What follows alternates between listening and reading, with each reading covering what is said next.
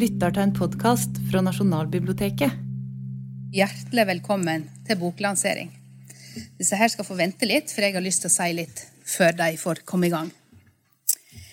For i dag så lanserer vi ikke bare ei, men vi må vel si at vi lanserer tolv bøker. De siste fem bindene har vi fått i går og i dag. Og det er tolv bøker med 800 tekstvarianter og 1500 melodivarianter.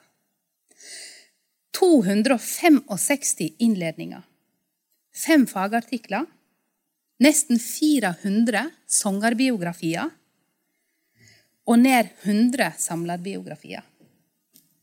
Mange tusen arbeidstimer, utallige diskusjoner. Og over 4000 sider med vitenskapelig arbeid. Det er Balladeprosjektet. Og det er bokverket Norske middelalderballader. Ja.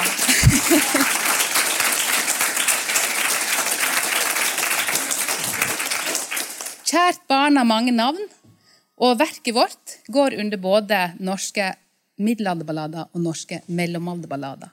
Men jeg snakker om det samme. Det tror jeg dere forstår. Og I det verket så finner det ballader så draumkvedet og så lite Kjersti. Det finner ukjente ballader, slik som f.eks. 'Jentene som planta kål' eller 'Ridder som legger seg lik'. Det finner ballader som de kanskje ikke engang visste var ballader. Slik som 'Jeg lagde meg så silde, tordivelen og fluga' og 'Kråkevisa'. Og det er ikke bare det at dere finner kråkevisa, for dere finner fem varianter av kråkevisa i full lengde. Og dere får vite at det finnes over 100 varianter av den. Det finner 72 ulike melodivarianter av kråkevisa. Og det finner ut hva slags utbreding kråkevisa har i resten av Skandinavia. Og det finner ut hvem som skrev den ned, hvordan den var nedskreven, og hvem den var nedskreven etter. Og det finner til og med ut hvem svært mange av både sangerne og samlerne var, og hva stilling og status de hadde å ha i sin samtid. Det er en viktig del av den norske kulturarven som endelig er samla og publisert i disse tolv bøkene her. Verket er tufta på det viktige arbeidet som folkeminnesamlerne begynte på på midten av 1800-tallet. Og Såleis har det verket her ei sterk forhistorie på over 150 år. Fra 1940-åra utover så vandra Olea Krøger, Magnus Brostrup Landstad, Ludvig Mathias Lindemann og mange andre rundt i landet og skrev ned folkeminner. Og helt siden den gangen så er det gjort jevnlige forsøk på ei vitenskapelig balladeutgave. Uten at arbeidet har lykkes. Men så, på begynnelsen av 90-tallet 1990-tallet, så tok leder ved Norsk visarkiv, Velle Espeland tak i balladene og begynte på en oversikt over hva som fantes av materiale. Han fikk med seg Astrid Nora Ressem og Elin Prøysen, og de tre jobba jevnt og trutt med å transkribere ulike varianter og ordne materialet med tanke på at de skulle publisere det som fantes etter skriftlig kjelde. En stund etter årtusenskiftet så kom en del andre med i redaksjonen. Og i 2014 så gikk Norsk visarkiv inn i Nasjonalbiblioteket. Og med det så fikk vi sikra rammene, slik at redaksjonen kunne avslutte arbeidet. Og redaksjonen er foruten meg sjøl Liv Kreken, som har koordinert arbeidet. Initiativtaker og folklorist Velle Espeland.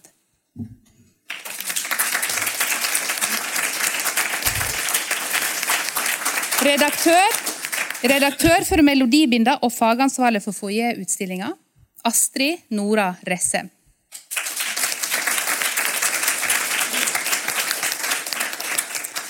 Redaktør for den digitale tekstutgåva, Ellen Nessheim Wiger.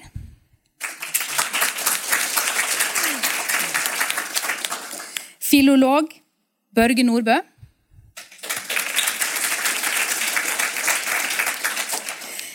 Professor emeritus i nordisk litteratur, Olav Solberg.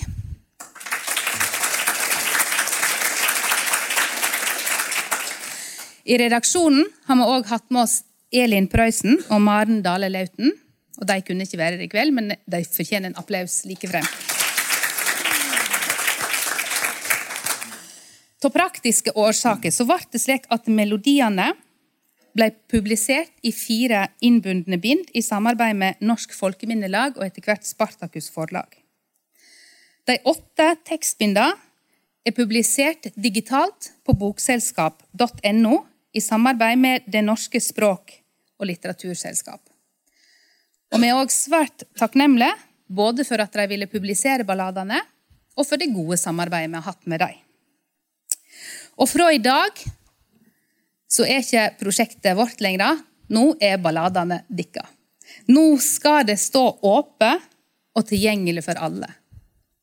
4065 sider med hardcore balladeforskning er nå tilgjengelig for forskere, utøvere, lokalhistorier, politikere og andre interesserte som vil, som vil utforske disse godbitene av norsk kulturarv. Og Det markerer vi her på Nasjonalbiblioteket i flere dager til ende. I dag har eh, utstillinga, foajéutstillinga Piri mitt mitt parian åpna. Den syner balladesjangerens historie i Norge gjennom tre utvalgte ballader. Her får du bl.a. se Landstads originale oppskrift av draumkveet etter Maren Ramskei fra ca. 1846. Det finner en oppe i fjerde etasje, én etasje opp. Og Den er åpen helt fram til klokka ni i kveld, så det bør få med dere den etterpå. Ellers så er det òg mulighet for å se den fram til 14. januar. I morgen kveld så er det storslagen konsert med Kringkastingsorkesteret og flere av våre fremste sangere i store studio i NRK. Den konserten er Jeg holdt på å si dessverre, men jeg mener det ikke, så jeg sier det ikke likevel. Men den er utsolgt. Eh, men den blir strømma på KORK sine nettsider, og den blir vist på hovedscenen på NRK2 11. desember. Det finner mer informasjon om det og andre arrangement i programmet vårt ute i resepsjonen, og der kan dere skrive dere på e-postliste for å få informasjon om det som skjer her. Men nå i kveld skal det handle om kulturarven mellomalderballadene bærer med seg, og hva det har å si for oss i dag. Ikke bare med tanke på det verket her, men òg med tanke på at det her er en sjanger som har blitt holdt i live ved å vandre stort sett muntlig fra generasjon til generasjon i 700 år. Til å diskutere det så har vi samla et panel med deltakere som på hver sitt vis har en binding til mellomalderballadene. Olav Solberg, en av de fremste forskerne på mellomalderballader i Norden, han har stått for utallige bøker og artikler både om ballader og annet, og har vært med i redaksjonen siden 2010. Øyunn Groven er blant våre fremste folkemusikere og har arbeidet med middelaldermusikk generelt. Hun har sterke røtter i folkemusikken, og i biografiene til balladesangerne i det fjerde melodibindet så finner vi forfedre og mødre til flere generasjoner til Øyonn bak bakover. Musiker Knut Reiersrud har deltatt på rundt 300 plateinnspillinger i ulike sjangre og mellomalderballader. I forbindelse med lanseringen av eh, norske middelalderballader, så fikk Knut i oppgave å skrive en ny melodi til balladen om Ivar Elisson. Så vi ikke lenger kjenner noen melodi til. Og vi ser virkelig fram til å høre den kompos komposisjonen bli urframført av Kim Rystad med KORK i morgen kveld. Stortingspresident Olemic Thommessen har vært opptatt av kultur i et langt politikerliv. I tillegg til selv å være aktiv kulturutøver han arbeidet for forskning på og formidling av den norske kulturarven. Som medlem av kulturkomiteen på Stortinget så var han en god støttespiller for Norsk visearkiv, og hans kompetanse på feltet var nyttig i arbeidet med å utforme balladersprosjektet som har ført fram til dagens storverk. Så vi er svært glad for at du og at alle har tatt dere tid til å være med oss her i dag. Og til å lede samtalen har vi vært så heldige å få redaktør i Bokmagasinet i Klassekampen, Karin Haugen. Så da vil jeg takke for oppmerksomheten med å ønske dere alle hjertelig velkomne inn i balladeverdenen. Og så gir jeg ordet til Karin, som skal styre resten av kvelden. Vær så god, Karin.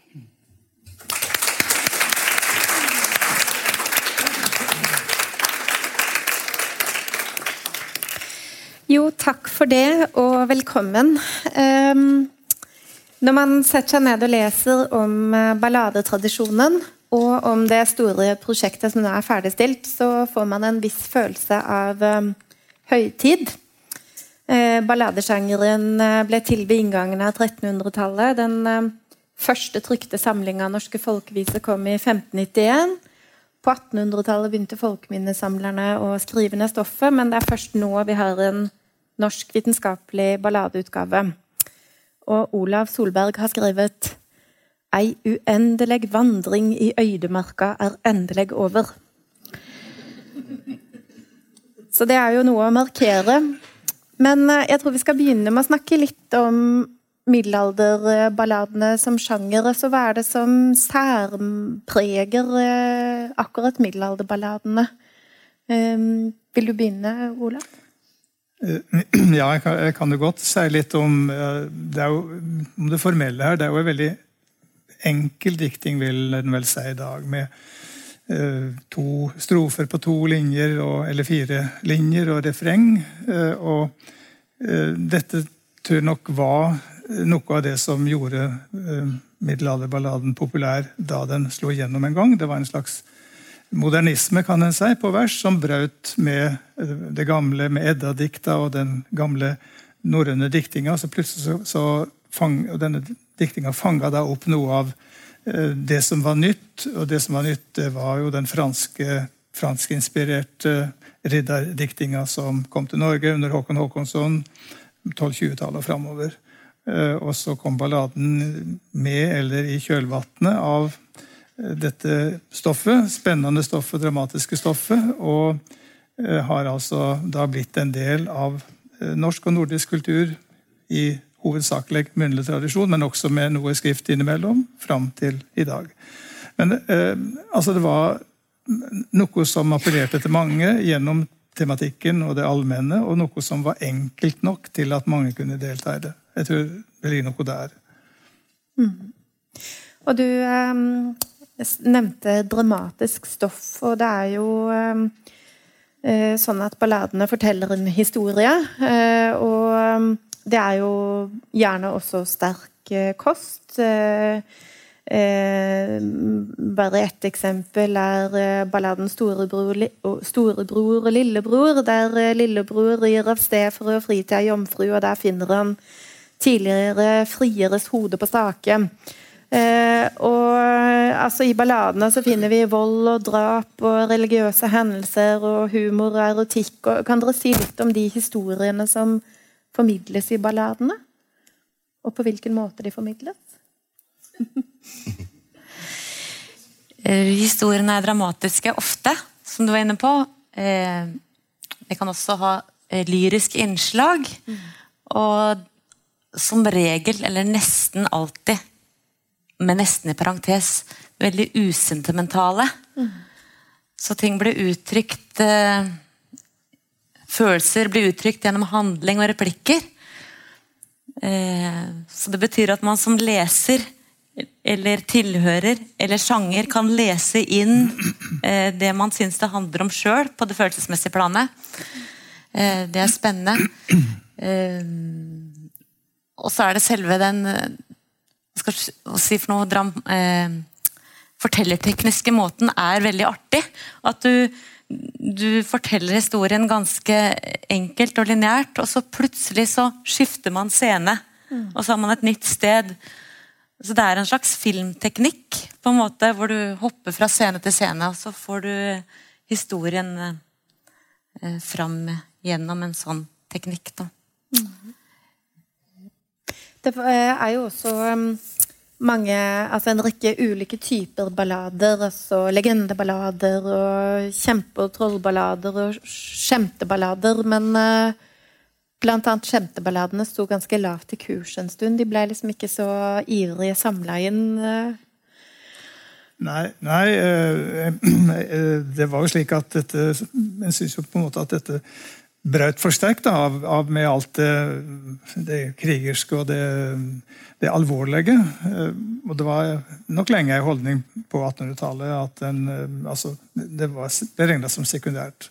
Men likevel så er det faktisk slik at skjemteballadene er noe, noe, av det stoffet som vi har breiest uh, geografisk dokumentasjon på. Så disse visene har jo vært enormt populære. Eksempelvis da 'Tordelen og flua', som Prøysen laga sin versjon av, og som jo ble en stor slager, i, som det heter på den tida. Eh, så, um, så, det er nå det stoffet der. Men ellers har jo folk sunget alle slags viser i blanding. Og disse her gruppene som vi opererer med, det er jo forskergrupper. som, som ikke sangerne visste om, og heldigvis, eller brydde seg om. Så, så ja. Er det noen Ja? Jeg, jeg tenkte på en ting. Og, eh, ja, for det første vil Jeg bare si at jeg, jeg, kan ikke så mye om dette, her, så alt det jeg sier, det er med et stort spørsmålstegn bak. Så dere må hjelpe meg. Men jeg skulle tro at dette her er i en periode altså Før folk kunne lese og skrive, så skulle jeg tro at det var et stort islett av improvisasjon her. Og, og en stor grad av eh, hva skal man kalle det eh, artisteri. Altså det var flinke balladefortellere og, og sangere, og det var dårlige. Altså at det var veldig basert på Eh, performance, holdt jeg på å si. Altså eh, hvordan man uttrykte seg. Den ballen har jeg lyst til å ta. Nei, ja, ja, ja. Jeg stjal et poeng fra deg, nei, nei, nei, det var kjempevis. Kan jeg ta ballen fra deg nå? Er dette sant? nei, det er kjempespennende det du sier der. Eh, og det er klart at utøverne har vært veldig forskjellige. Mm. Noen har vært opptatt av å bevare tradisjonen eksakt, mens andre balladesangere har jeg hørt omtalt som at det var fyllerøl. Mm. Ikke sant? Eh, så du har hatt begge typene. Jeg er egentlig fascinert av hvor stor fasthet tradisjonen har hatt. Eh, det er så imponerende. Og særlig når du ser balladene over et vidt område eh, som strekker seg utover Norges grenser, så ser du jo akkurat det samme ordene, samme rimene, samme versene etter hverandre. Så det syns jeg kanskje er mest fascinerende. Samtidig som, ja, det har vært eh, helt klart også artisteri. I positiv og negativ. ja, ja, ja, riktig. Ja. Men det kan jo være sånn at det først har vært artisteri, og så har det seg, meislet seg ut én måte å gjøre det på, som folk etter hvert som eh, århundrene har gått, så har man på en måte tatt dette her mer som en klassisk arv. Ja, eller... Det begynte mer som et lurveleven. Ja, eller, eller, eller, at det har vært et lurveleven i utgangspunktet som har vært fast. Ja, ja, ja. Mm. Og så har det på en måte blitt foredla gjennom tradisjonens uh, foredlende uh, makt. Man må jo forstå det også ut ifra hvilken skal si, idéhistorisk kontekst man leser det i. da. Uh, og en befolkning hvor muntlig tradisjon handlet om noe helt annet enn det de gjør for oss. Altså, I dag er det vel ikke Folk kan jo knapt et salmevers. Eh, altså, vi er jo virkelig helt nå i den andre ytter, ytterligheten av å virkelig ikke å kunne. Mm. Eh, eller i forhold til å kunne. Mens eh, i et samfunn hvor eh, muntligtradisjonen var bærende, så hadde de et annet mentalt forhold til det. Eh, jeg syns det hadde vært veldig interessant eh, å gå, hvis man går tilbake for i forhold til lovtekst, uten noen som helst slags sammenligning for øvrig, og hvis man går også enda litt lenger tilbake i historien da, enn, enn der vi er nå i middelalderen, altså til tidlig middelalder, så har man den overgangen mellom skriftlighet og muntlighet. Hvor min magefølelse er at de var litt skeptisk til det skriftlige. Fordi det kunne jo forandres på. Mm. Det man kunne, det var man trygg på. Ikke sant? Altså, det du har lært, det som følger verseføttene, det som fulgte og i den, i den, eh, i den eh, si, andre, mer bundne diktformer, så, så, var det jo nettopp for å holde det bundne. Eh, eller holde tradisjonen og sørge for at kunnskapen var den samme. Som på en måte var en del av den muntlige, muntlige tradisjontenkningen. da. Det tror jeg man har med seg inn i dette stoffet også, fordi at det er vanskelig å tenke seg en annen forklaring på at i bestandigheten i stoffet. Vil du kommentere dette muntlige lurveelevene? Eh, Ja, eller Det var jo på 1800-tallet, som vi vet mest om, så var det jo sangere av to typen, veit vet vi, ut ifra opplysninger som samlerne har gitt. Og da er det nok slik som Øyunn sa, at eh, det var flest av de som helt eh, på en fast tradisjon, som du også sa. fordi eh, Det kan vi være glad for, da. fordi det var på den måten en tradisjon har overlevd. Men så var det også en del som improviserte. Eh, og en del av samlerne likte jo det dårlig. fordi at eh, altså var jo, Samlerne var jo bokfolk som kom med tekstbakgrunn og hadde det i, i, mentalt framme. Og så møtte de da folk som sang forskjellig. eh, ikke bare én gang, men to og tre ganger, kanskje. Og det likte de ikke noe særlig godt. Men det var disse improvisasjonsmennesker som dikta på stoffet. Men er, rekorden altså når det gjelder, når det gjelder repertoar, det er det ei telemarkskvinne som heter Jorunn Bjønnemyr, som hadde, og som kunne 76 lange middelalderviser. Eh, og det, da kan du ikke improvisere så veldig mye. da må du på en måte ha en eller annen slags uh, mnemoteknisk uh, teknikk inne som du da behersker. Eh, jeg tror ikke det er snakk om å lære utenat direkte, men du må kunne altså, grunnstrukturen i en ballade og, så, og ha gjentatt dette ofte. Det er sannsynligvis ja, det er norsk rekord, og det er sannsynligvis også nordisk rekord. altså 76 milliarder. Men det er jo nettopp det at altså, Velle Espeland har skrevet at uh, ei vise lever ikke på papir. Det er først når hun blir sunget at den blir levende. og selv om det finnes eh, innslag av skrift og innsamling og nedskriving i disse balladene, så, så er det jo en muntlig overlevert tradisjon. Og vi hørte jo i introduksjonen om altså, Hos deg så går dette også generasjoner tilbake. Hvordan dette blir tradert og overlevert og tradert og overlevert. Um, vil De si noe om den fine, lille rekka av folk? Ja, I min tradisjon så må jeg nok bare innrømme at eh, tradisjonen har vært relativt melodifokusert. Eh, Så det er ikke overlevert veldig mye tekster, selv om jeg kommer fra en sånn tekstfamilie, litterær familie, så er eh, balladetradisjonen mer melodifokusert, sånn som jeg i hvert fall tolker det. da. Mamma sitter i salen, så du kan jo spørre henne etterpå om hun er enig med meg. Men det er, eh, men det er mange melodier, og så ikke så mange vers som er overlevert. Sånn fire vers, kanskje. Fem, seks. Um, men det er jo ikke noe problem å huske masse tekst. For det Jeg kan veldig mye uten at jeg, som ikke er ballader. Så det å kunne huske mye tekst, det er faktisk eh, hele Magna, Magnus Lagabøtes eh, landslov og sånn. Folk lærte seg jo det. Men dere som er utøvere, hvordan vil dere karakterisere ballademelodiene? Uh, der er Øyunn uh, flinkere enn meg til å kunne svare på det, men uh, eh, Hva er det dere setter pris på ved dem? Skal jeg prøve å si noe fornuftig om det, så eh, har jeg det for meg at ballade egentlig betyr dans. Altså Det er dansbar musikk. Man danser til ballader. Så det har en eh, veldig sånn fin rytmikk. Det har en veldig eh, sånn eh, Det har noe eh, det at det går over så lange strekk, og det er sånne store sekvenser som gjør at det, du kommer inn, at det blir en slags transestemning. Du kommer inn, veldig, Det er veldig stemningsfullt. da. Mm. Og det kan gjerne også spille på det litt monotone tone, tonespråket, som, som gjør at du opplever at du kommer inn i en verden. da.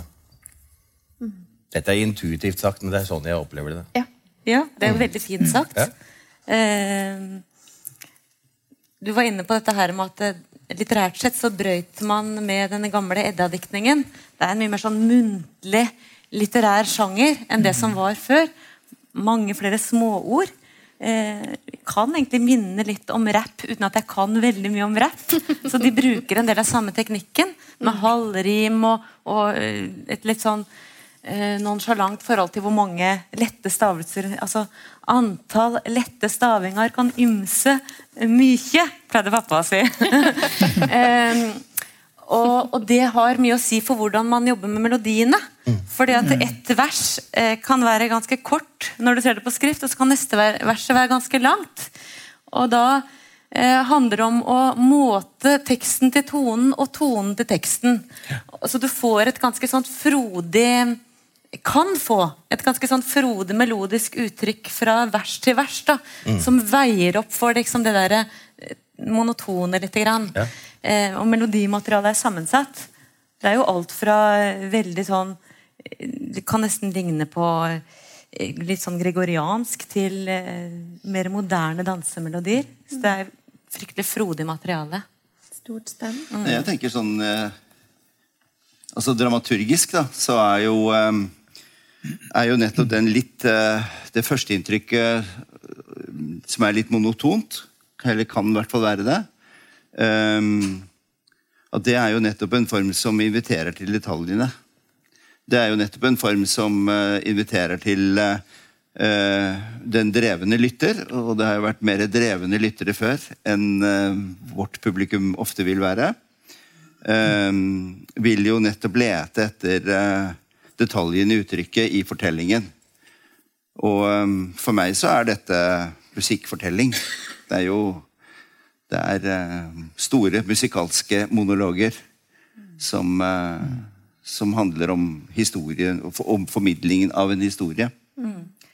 Og så er det en ting som er litt til Jeg kan jo si tusen ting om dette, her da, men jeg blir jo så gira. Beklager. Eh, det er så interessant at du har eh, ulike typer balladekvere. Og, og noen ser ut til å bruke nesten bare én melodi. Som de varierer på. Akkurat som stevsangere. ikke sant? At en, en, Noen stevsangere har stort sett én stevmelodi som de elsker og bruker hele tiden. Litt det samme balladesangere at noen bruker én melodi nesten hele tiden, som de kan variere på. Og liksom lempe til ettersom omkvedet er kortere eller lengre. da. Mens eh, andre har helt tydelig forskjellige melodier på hver ballade. Og Et eksempel som jeg synes er spennende der, det er Marie Tveiten og Svein Tveiten. Som begge to kom fra Tveitegren i Vinje.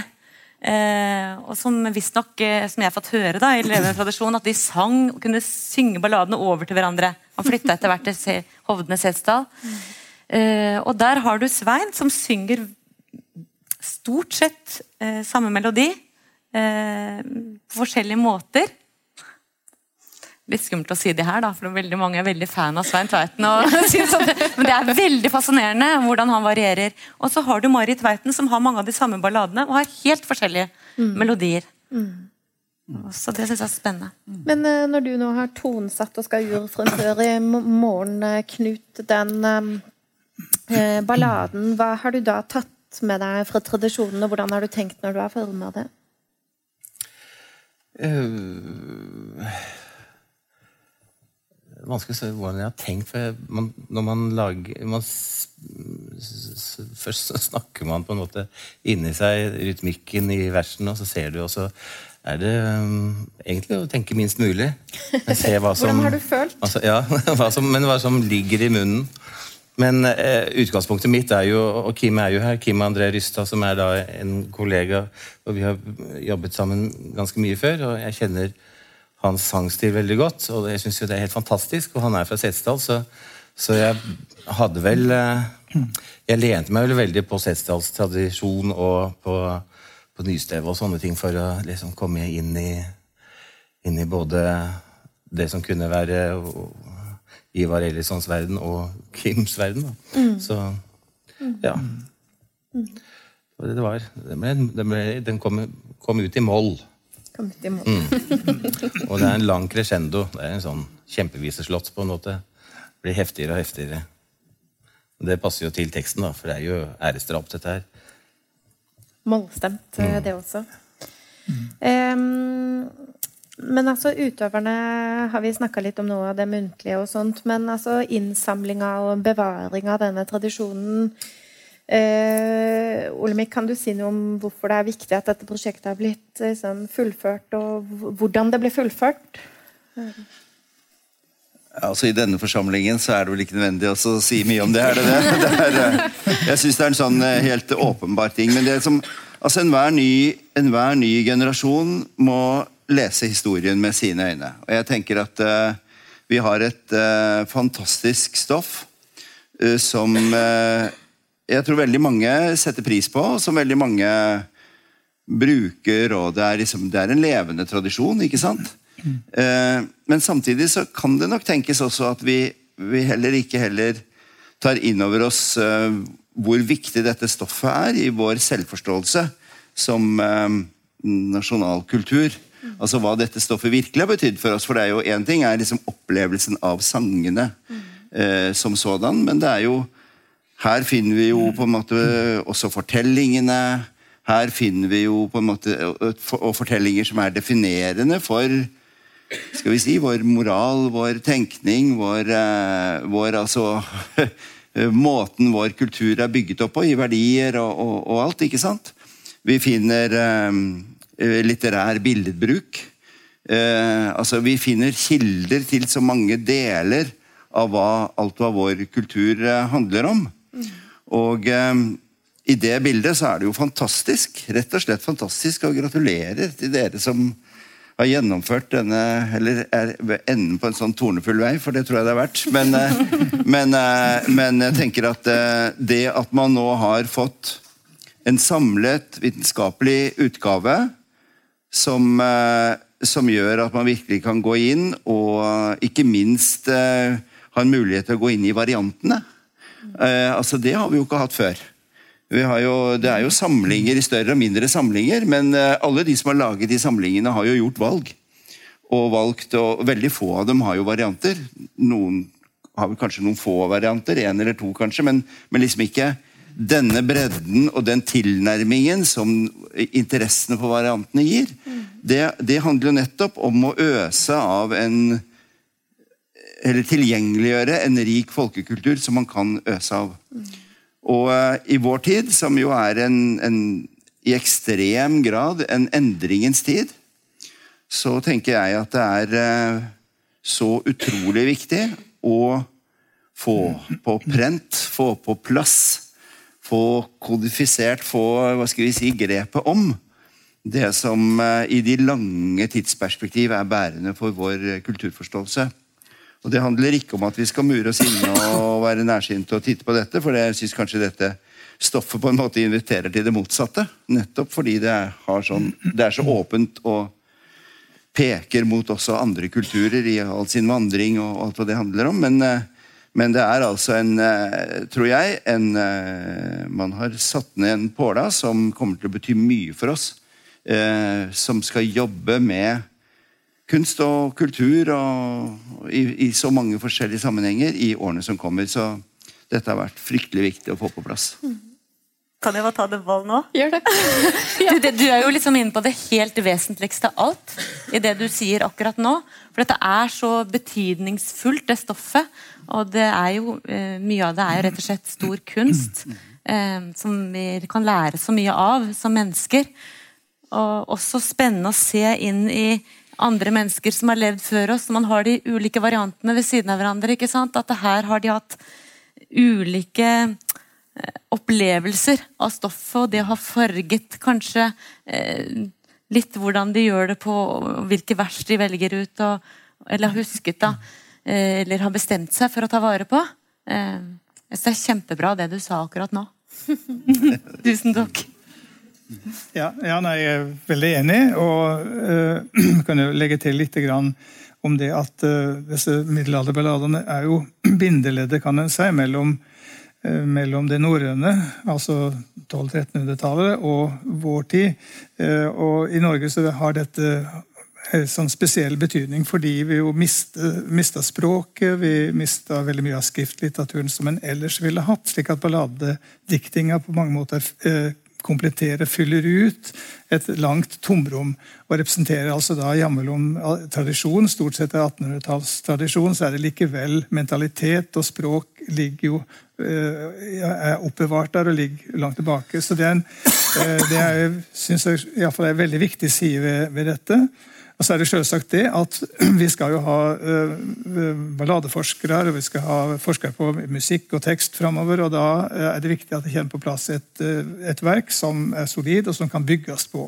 Slik at en ikke må liksom, sitte og gjette seg fram. Så, det, så det, alt dette ligger i denne nye utgåva, og da er det bare for universitet og høgskoler å fange opp dette her og begynne å bruke dette her og sette master- og doktorgradsstudenter på dette stoffet. Som de vil være veldig interessert i. Det er helt sikkert, for det, det, det vet jeg av egen erfaring. Eh, og nå ligger dette stoffet der. Men jeg må også, altså Når det gjelder eh, middelalderballadene som og hvordan de ble brukt i nasjonsbygginga, så skriver eh, da Olav Solberg noe veldig interessant om at da, på 1800-tallet, da man samla inn, så ble det også løyva stipend til folkeminnesamlerne. Og det gjorde man jo fordi eh, det var i ens interesse å bygge nasjonen. Men også fordi det var nødvendig å skaffe seg kunnskap faktisk om egen nasjon. Eh, og du skriver at eh, selv de fremste på kulturens område kunne i visse tilfeller lite om folkekulturen, og så siterer du Henrik Wergeland. eh, Som i et brev i 1840 skrev at eh, han har hørt rykter om at det skal finnes folkeviser i Norge, men han er ikke sikker på om det er noe i det. Og det er jo fascinerende at det er jo ikke sånn at de altså Når man tenker på liksom at eh, folkekulturen ble brukt for å bygge nasjonen De måtte jo også komme i kontakt med folkekulturen. Det var et eh, veldig interessant gap der, da. Mellom folk og kulturelite. Ja, ja, det var det jo til langt inn på, altså langt inn på 1800-tallet. Det som Wergeland skriver der, er for så vidt det er veldig i klartekst. Men eh, da Jørgen Moe kom til Telemark i 1840-åra, så skriver han i stipendrapporten for reisa at eh, han var sikker på at det han fant der, var danske folkeviser som hadde da eh, som han hadde lært der oppe av Peder Skivs visebøker og skillingsstykke osv. Men så skjønte han etter hvert at det var ikke bare slik. Det var også en, en, en opphavlig norskspråklig tradisjon som lå der ved sida av. Og Det overraska da Jørgen Moe, som jo skulle kunne en del fra før om dette stoffet, men som likevel var såpass eh, liksom, usikker. Så det, var, det satt veldig langt inne. Eh, Men igjen så tenker jeg da at det er noe med å se på konteksten eh, i, eh, og hva man ser etter. altså, vi har da hatt 200 år, hvor, eh, eller kanskje i hvert fall de 100 første etter 1814, hvor man bygget nasjonen. Og da så man veldig etter det. ikke sant? Da, altså, da, man, da var man ute etter å finne akkurat det som passet i nasjonsbyggingen. Eh, men man kan finne, finne mye annet der òg, da. Ikke sant? Eh, og nye generasjoner vil lete etter noe annet. For etter hvert må vel vi også ha kommet dit at vi liksom kommer ut av konfirmasjonsstressen. Eh, og blir voksne som andre, andre land. Eh, og jeg tenker at det, det stoffet vi har fått nå, åpner jo for også på en måte å lese hele dette, hele dette materialet på nytt. Og, le, og lete etter også andre perspektiver. Og jeg er helt sikker på at man vil finne mye.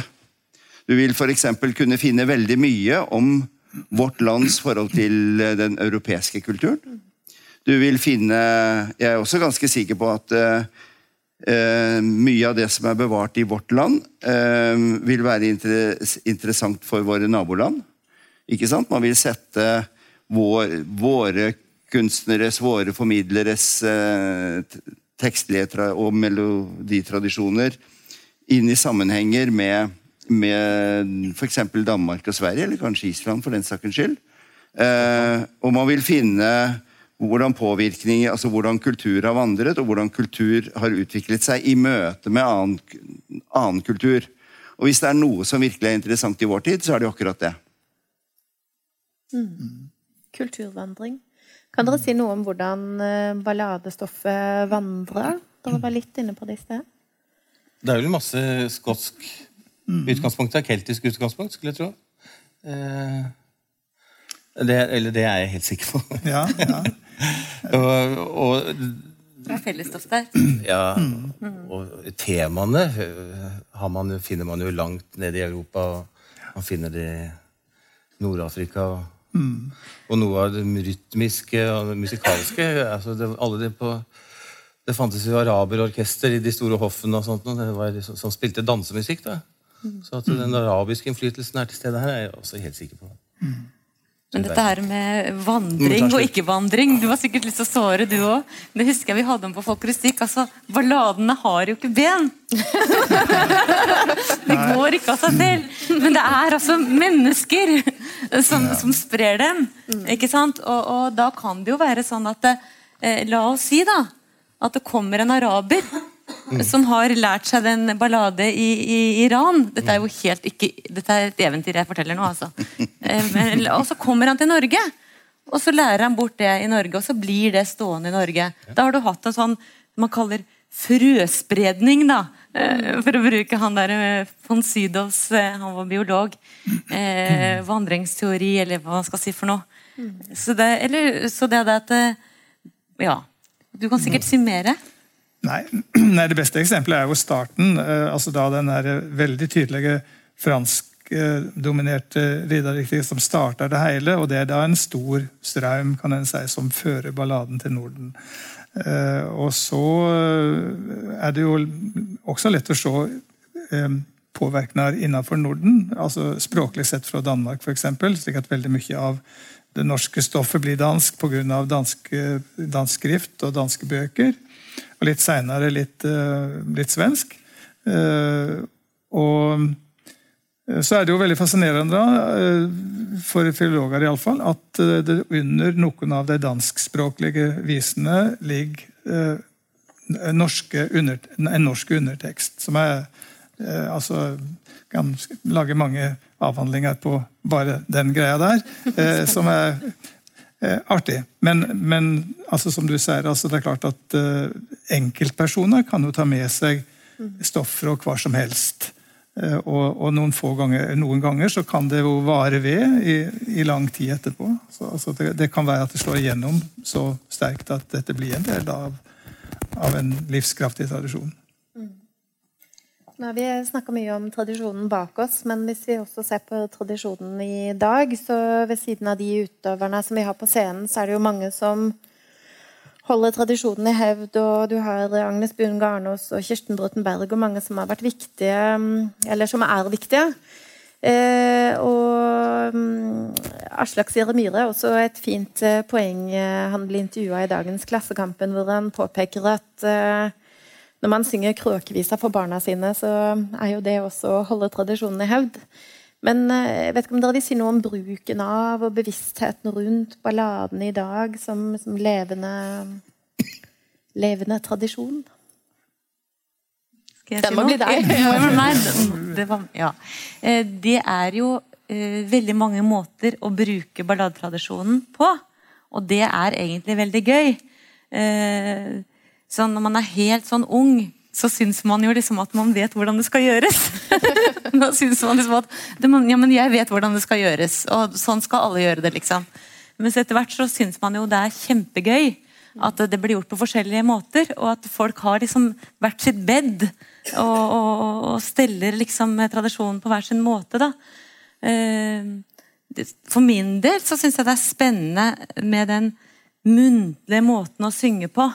Eh, som, altså det er nesten som du snakker, ikke sant? Du snakker sangen. Eh, og så har du selvfølgelig musikalske utskeielser. Så ser du på meg? Ja, jeg ser på deg! Fordi at jeg refererer til noe du snakka litt om i stad. At du kan skeie ut litt, da. Eh, artistisk, ikke sant? Enten det nå er kruller, som man snakker om, eh, et numedalsord, tror jeg. Eh, som har liksom bredt seg ut overalt. Eh, eller man glir på tonene. Jeg syns jo at det, det er veldig imponerende å, å følge norsk folkemusikk generelt. Ja, da, i, eh, I det å møte vår tid. For Vi ser jo at i mange land så er jo folkemusikk eh, noe som er musealt. Altså noe som, eh, som ikke er i utvikling, som er satt på en scene, og som fremføres i sammenhenger som er mer sånn Se hvordan vi gjorde det i gamle dager, dere.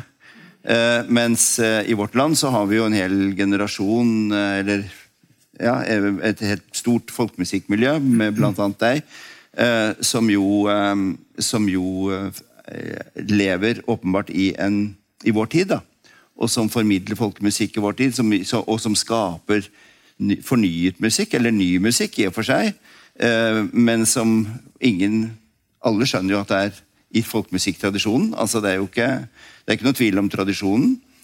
Og eh, slik jeg kjenner en del eh, utøvere, så er det jo også denne her enorme respekten for det, hvor det kommer fra. Som, eh, som jeg mener er helt enestående for norsk folkemusikkmiljø, faktisk. det å ha på en måte den kunnskapen og respekten for, for uh, tradisjonsbæringen, samtidig som man uh, fornyer et uttrykk. Og så er det selvfølgelig, som du sier, så lager du kryller og driver på. Eh, og, noe av det, kom, og, og, det handler jo om hvordan du, hvordan du kjenner på ditt publikum akkurat nå. ikke sant? Sånn er det jo når du skal formidle til noen, så får du kontakt, og så finner du det grepet som ditt publikum ber om nå. Så er det ikke sikkert at du gjør det når du blir gammel og grå.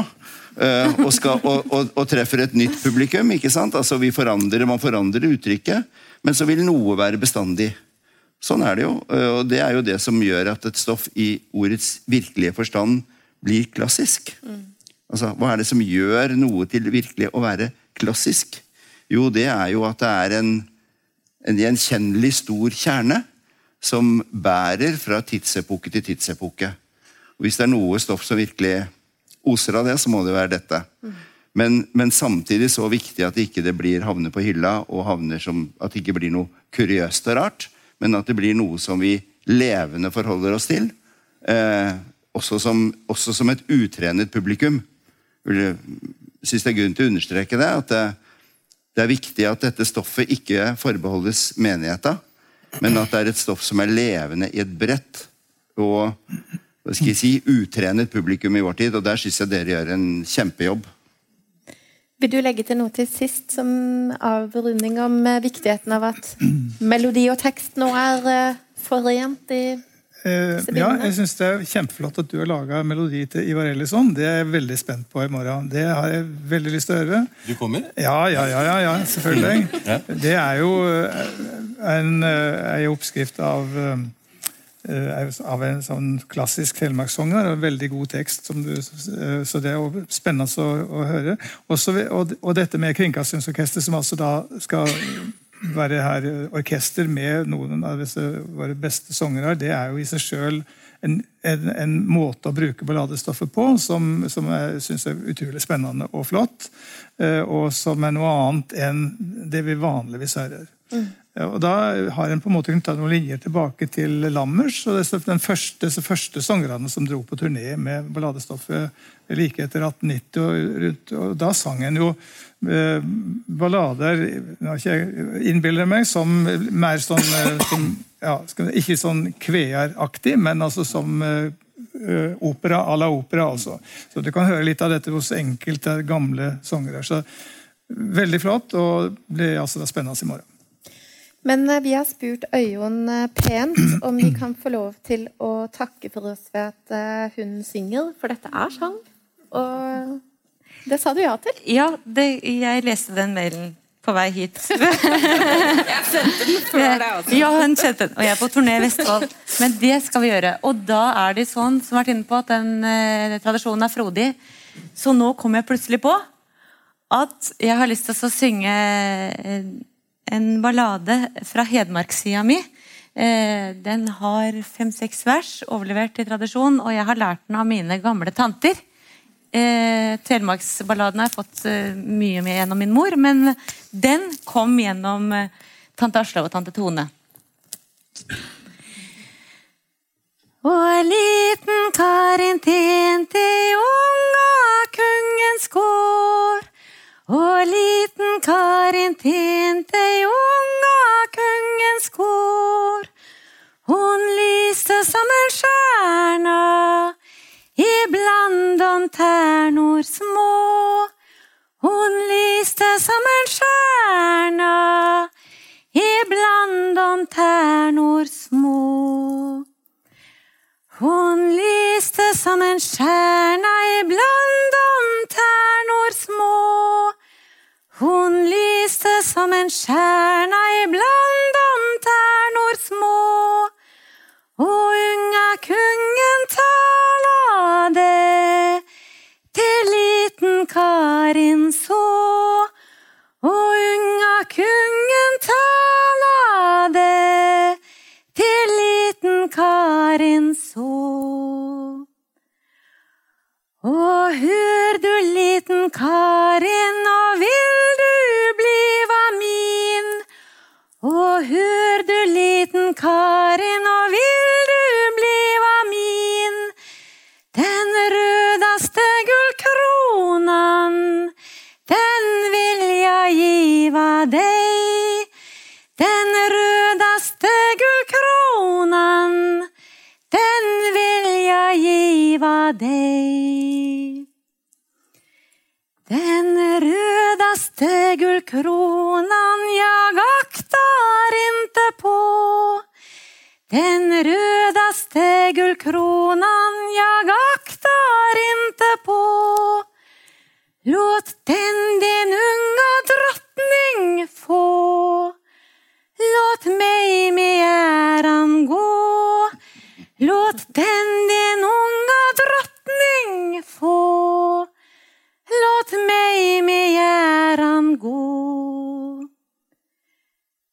Då kom det ifrån himmelen två vita duvor ned.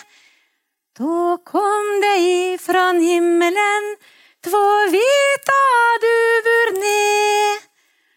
De tog hon liten Karin och strax så blev de Tre.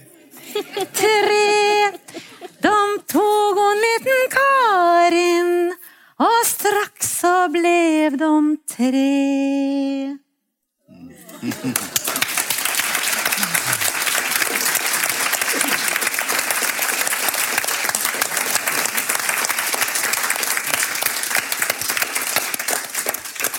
Takk for oss.